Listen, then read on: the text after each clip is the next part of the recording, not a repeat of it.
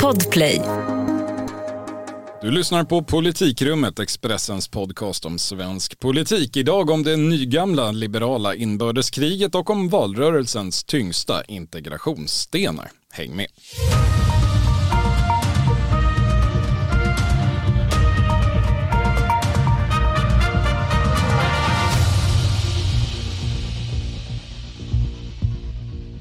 Det är tisdag den 23 augusti, 19 dagar till valet och dags för säsongens andra sammanträde här i politikrummet. Jag heter som vanligt Viktor Bart Kron och du heter som vanligt Helena Gissén. Hej! Hej!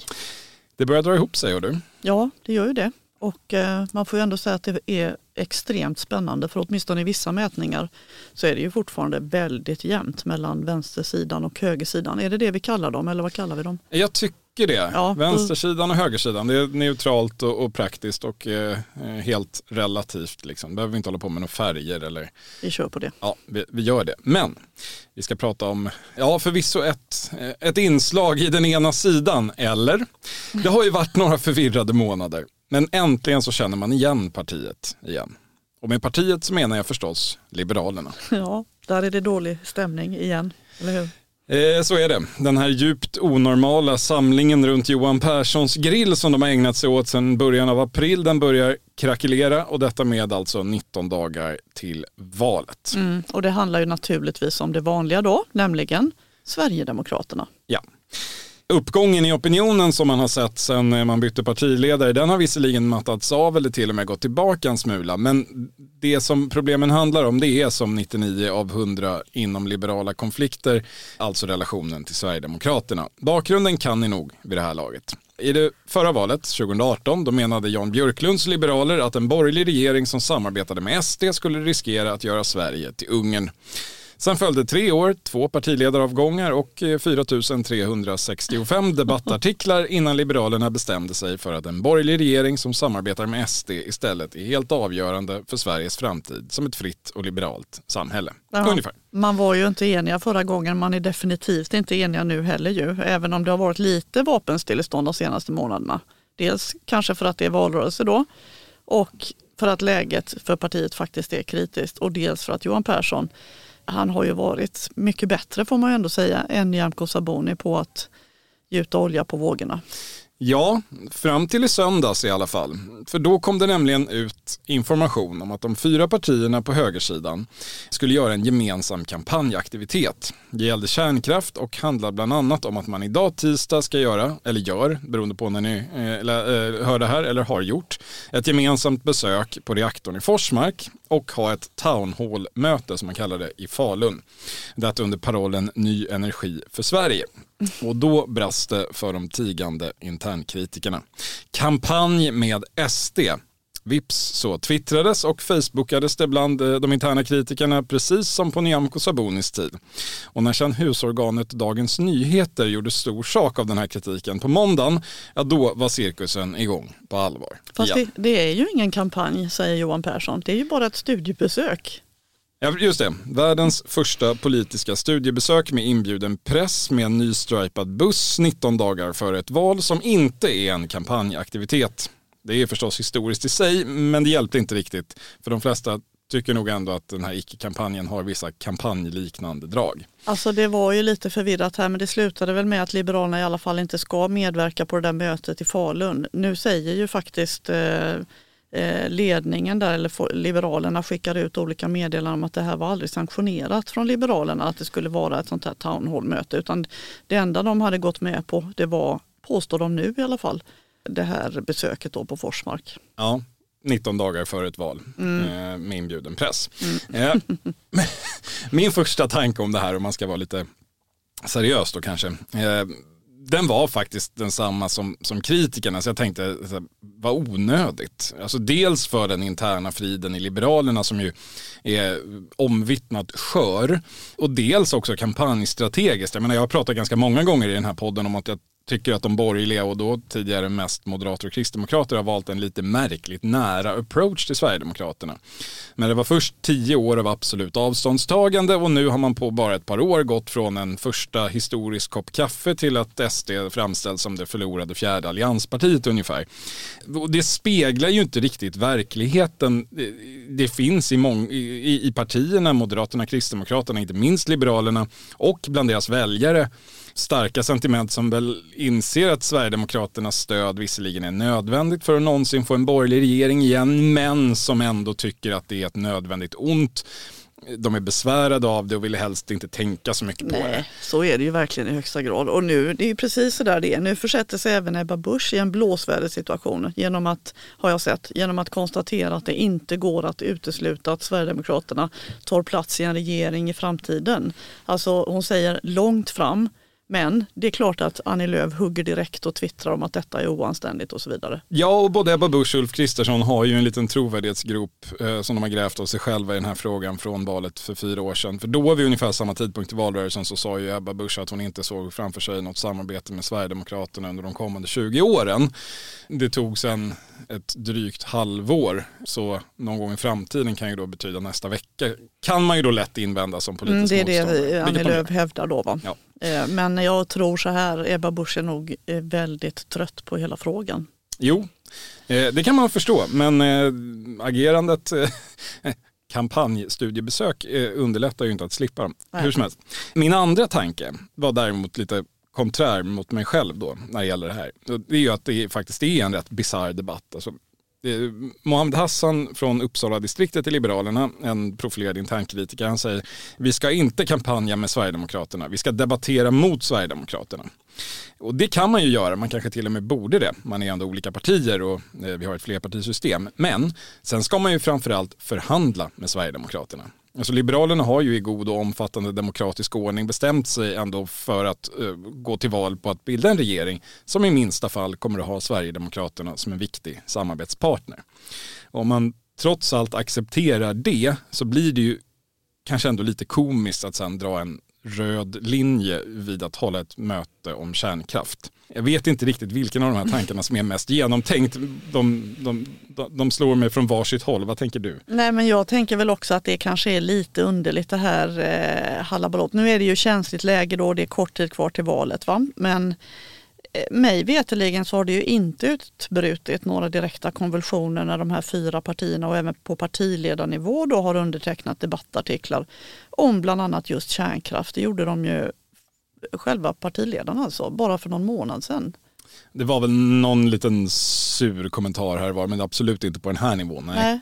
Nej några som i alla fall blev uppmuntrade, upplivade och allmänt peppade på, på den här konflikten var ju då Sverigedemokraterna. De började driva med Liberalerna i sociala medier helt enkelt, skicka glada uppdateringar om hur kul det ska bli med den första gemensamma kampanjen. Och det här spreds ju sen också snabbt vidare av många socialdemokrater och andra på, på motståndarsidan. Naturligtvis med statsrådstrollet Annika Strandhäll i spetsen.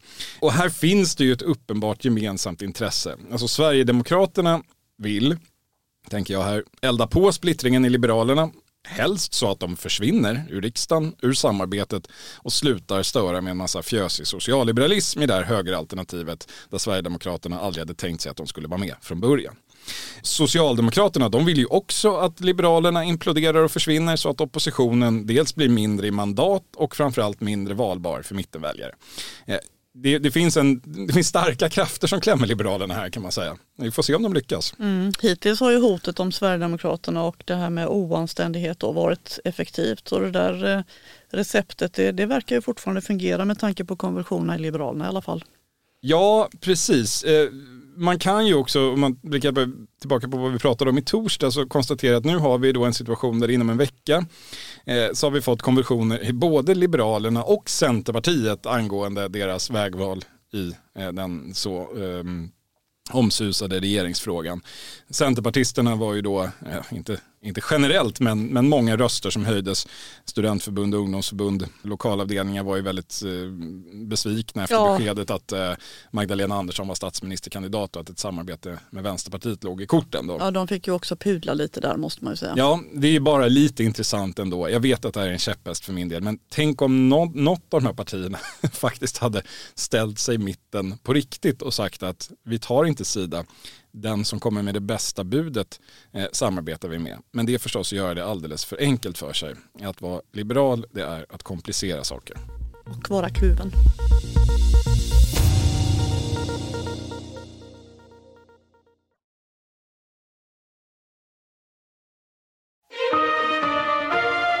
Ja, välkommen tillbaka till Politikrummet, Expressens politikpodcast med mig Viktor Bartkron och dig Helena Gissén. Integration och brottsbekämpning, det har ju varit bärande teman i den här valrörelsen så här långt. Gärna eh, tillsammans. Det vänds på många stenar nästan dygnet runt och så även idag Helena. Ja, Moderaternas partiledare Ulf Kristersson och deras rättspolitiska talesperson Johan Forsell, de är i Södertälje. Dagens förslag handlar om att dra in alla bidrag för gängkriminella samt inrätta någon slags operativa enheter bestående av flera myndigheter, det ska vara kommuner ihop med Skatteverk och Kronofogden och så vidare, i utsatta områden för att dra in gängens pengar. Och du har ju rätt i det, det kommer ju liksom nu förslag i en aldrig sinande ström från i alla fall Socialdemokraterna och högersidan, inte så mycket från de andra rödgröna tycker jag. Och om det inte var så fruktansvärt allvarligt med de här mördargängens härjningar, det skjuts ju hela tiden så skulle man kunna se lite humor i den här mängden utspel. Det är ju varje dag nu verkligen. Ja, det är inte helt enkelt tror jag att eh, sortera i detta för gemene väljare. Men vi kan väl göra ett försök och ändå summera några som har kommit den senaste tiden här. För det är en del som sagt. Ja, verkligen. Igår sa till exempel Magdalena Andersson och Mikael Damberg, finansministern, att de lanserar vad de kallar för en nationell attack mot gängens pengar. Socialdemokraternas utveckling över eh, fyra, fem år från nationell samling, samordning eh, till nationell attack. Japp. Mm. Vi ska gå på deras konton, pengar och klockor sa statsministern med sitt vassaste röstläge igår. Och eh, det här ska då kunna ske utan att de här tillgångarna är knutna till något särskilt brott. Och det är väl rättsligt sett då en ganska stor förändring? Ja det får man säga. Och likadant är det med förslagen att kunna Har du också valt att bli egen? Då är det viktigt att skaffa en bra företagsförsäkring. Hos oss är alla småföretag stora och inga frågor för små. Swedeas företagsförsäkring är anpassad för mindre företag och täcker även sånt som din hemförsäkring inte täcker. Gå in på swedea.se företag och jämför själv. Just nu pågår vår stora season sale med fantastiska priser på möbler och inredning. Passa på att fynda till hemmets alla rum, inne som ute, senast den 6 maj. Gör dig redo för sommar. Välkommen till Mio. Att göra husrannsakan och avlyssning utan specifik brottsmisstanke. Eh, polisen ska utan konkret brottsmisstanke kunna söka igenom varenda källarförråd, varenda lägenhet, varenda bil där gängkriminella kan gömma sina vapen, sa Andersson i sitt sommartal häromdagen. Eh, som hon faktiskt ägnade nästan till hälften åt just brott och segregation. Men mottagandet är inte helt eh, här, öronbedövande entusiastiskt från nej, alla håll har du nej, noterat. Nej precis och det kan man ju tycka är lite intressant för trots att lag och ordning då ligger högst på väljarnas prioritetslista just nu, i alla fall enligt statsvetarna i Göteborg, så finns det ett ganska stort och tycker jag växande motstånd mot de här förslagen om tuffare tag eh, Göran Greider, den evige S-debattören, han gick väldigt långt. Han dömde ut statsministerns fokus på brottsbekämpning och kallade det för ett historiskt misstag. Eh, och flera andra rödgröna ledarskribenter har instämt i att det är jättedåligt att prata så mycket om brottsligheten. Och dessutom så hotar detta rättsstaten tycker de. Så lite sådär har det blivit. Partierna lägger förslag, politiska motståndare, debattörer, experter sågar nästan allt. Och särskilt det som då avviker från hur man tidigare har bekämpat brott. Nu verkar det dessutom, tycker jag, som att själva mängden förslag i sig väcker motstånd. Det finns väl helt enkelt mer att kritisera. Sen ska man väl säga, eh, det, det är väl i och för sig inte helt eh, kritikbefriat att komma med gamla förslag heller om man säger eh, fler fritidsgårdar brukar kanske inte mötas med entydigt jubel i alla läger om man säger så. Du kan ha rätt. I alla fall om man gör de, de politiska partierna. Men eh, jag förstår vad du menar. Det är väldigt många kriminalpolitiska utspel men frågan är om det inte är ännu fler eh, skjutningar i gängmiljö just nu. Vi, vi fortsätter ändå hålla oss till det första här. Så Mm, det, finns, det finns då. fler förslag. Mm. Kristdemokraterna då, de vill låta polisen använda vårdens DNA-register med blodprov från nyfödda för att eh, lösa vålds och sexualbrott. De vill att Migrationsverket tar DNA-prov på nyanlända. Obehagligt och långtgående hot mot integriteten tycker då till exempel Centerpartiet. Mm. Sverigedemokraterna vill döpa om kriminalvården till straffverket. Signalpolitik men en viktig signal om att byta synsätt tycker Sverigedemokraterna. Det där utlöste ju också en storm av protester och vissa mer av det raljanta slaget. Jag tror det var Jonas Sjöstedt eh, som twittrade och jag tycker att Sverigedemokraternas kvinnoförbund ska döpas om till bruna bönor.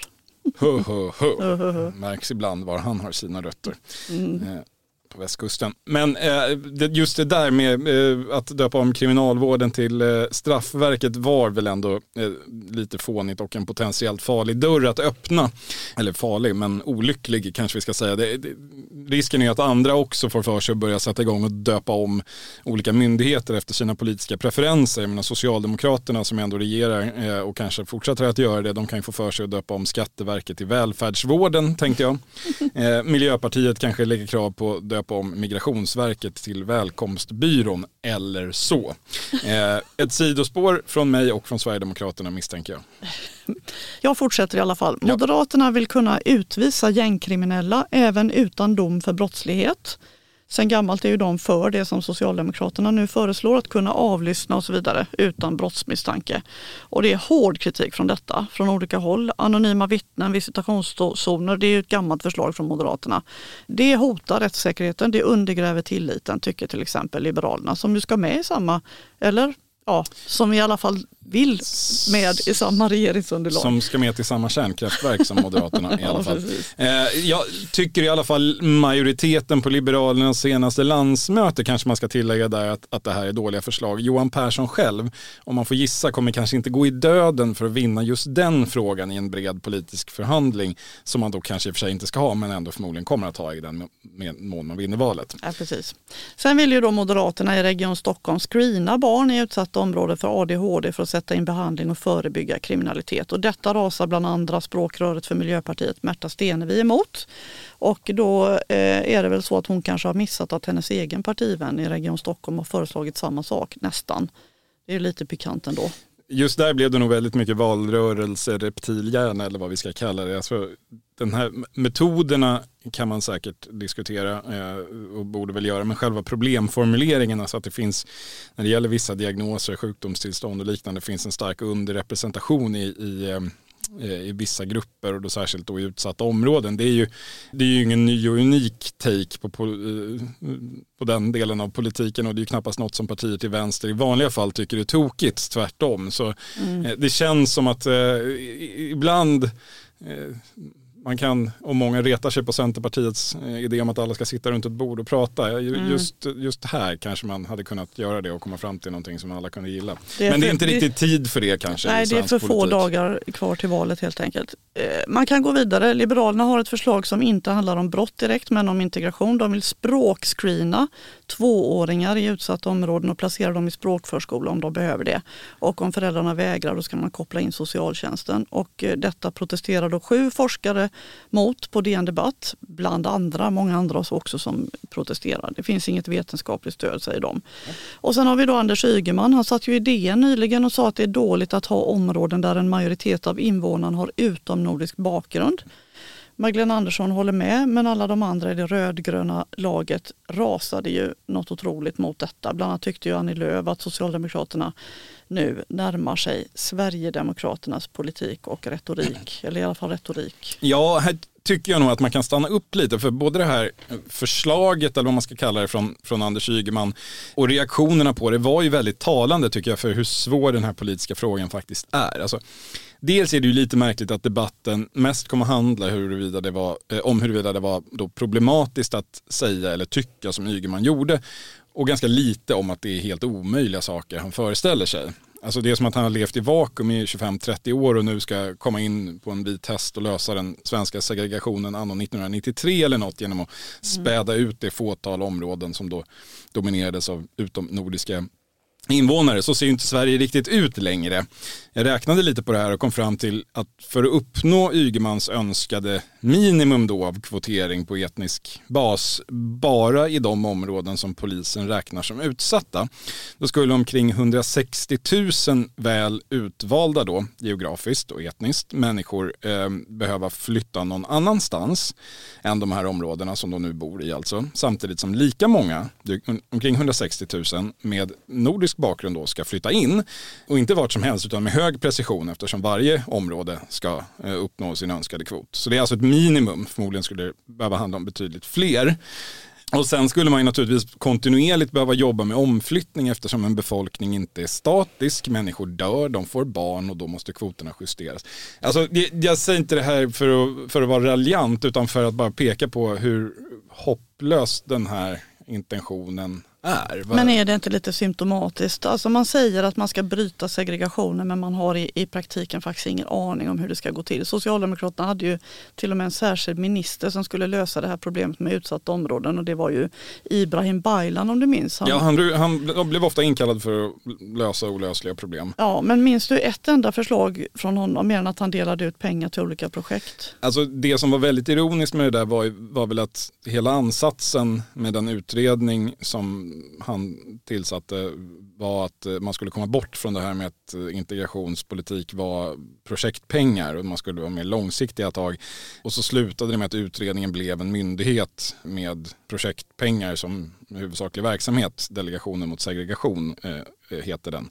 Så det, inte heller det blev väl helt som man hade tänkt sig. Nej, man vet inte hur man ska göra helt enkelt. Nej, det, kan ju ofta det. Magdalena Andersson stöder, som du sa, i alla fall Anders Ygeman och hon säger ju i en intervju i DN som publiceras idag att Socialdemokraterna inte vill ha några Chinatowns eller Somalitowns i Sverige. Svenska ska vara det naturliga språket och svensk jämställdhet ska gälla överallt. Men man drunknar inte direkt i några konkreta förslag heller i den intervjun. Det mest konkreta som Andersson nämner är att man kan bygga attraktiva bostadsrätter inom citationstecken i eh, miljonprogramsområden som om det bara var etniska nordbor som köpte sådana. Eh, den här idén är ju inte heller direkt ny i Nej, politiken. Det, det där har man väl försökt. Alltså, man har väl försökt att blanda bebyggelse i många år på många, i många kommuner. Ja, ibland mer eller mindre framgångsrikt. Och, eh, det, det, det, det, är knappast en, en, en, ny sten att vända på i vilket fall. Nej. Men alltså, en sak som ändå fascinerar mig med det här är att man tecknar konturerna av ett helt enormt politiskt projekt. Alltså den stora folkomflyttningen. Men frågan om varför kvarstår ändå på något sätt. Alltså det är inte så att man vet att en sån process, den här enorma om, omstöpningen då, eh, demografiska omstöpningen av Sverige på något sätt skulle minska brottsligheten. Det är ju Magdalena Anderssons teori att segregationen i sig driver brottslighet eh, och att om man spädde ut segregationen så skulle brottsligheten minska och Anders Ygemans teori att 50% skulle vara ett relevant mått.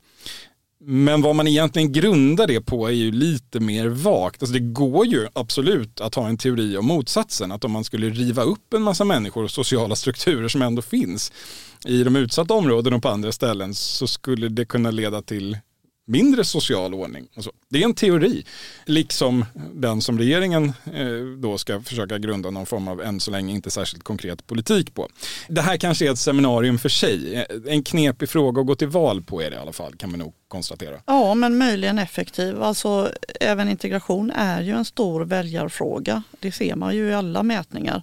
Och eh, Magdalena Andersson hon har ju sina partivänner i Danmark som förebild. Hon pratar ju ofta om att hon ska snegla på danska förslag. Där har ju Socialdemokraterna lyckats reducera Dansk Folkeparti som ju är Sverigedemokraternas motsvarighet genom att till stor del anamma deras förhållningssätt. Nu går de ju långt i Danmark. De går ju längre än vad hon har börjat göra i alla fall. Men eh, där är ju förebilden.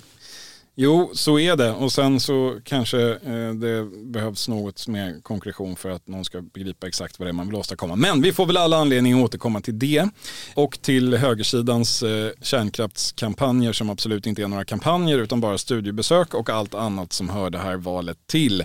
Men här får vi dra strack för idag. Tack för idag Helena. Tack själv. Och tack särskilt till er som har lyssnat. Politikrummet har nu två avsnitt kvar före valdagen. Det som kommer näst, det är det på tisdag den 30 augusti. Väl mött då. Hej för nu. Hej.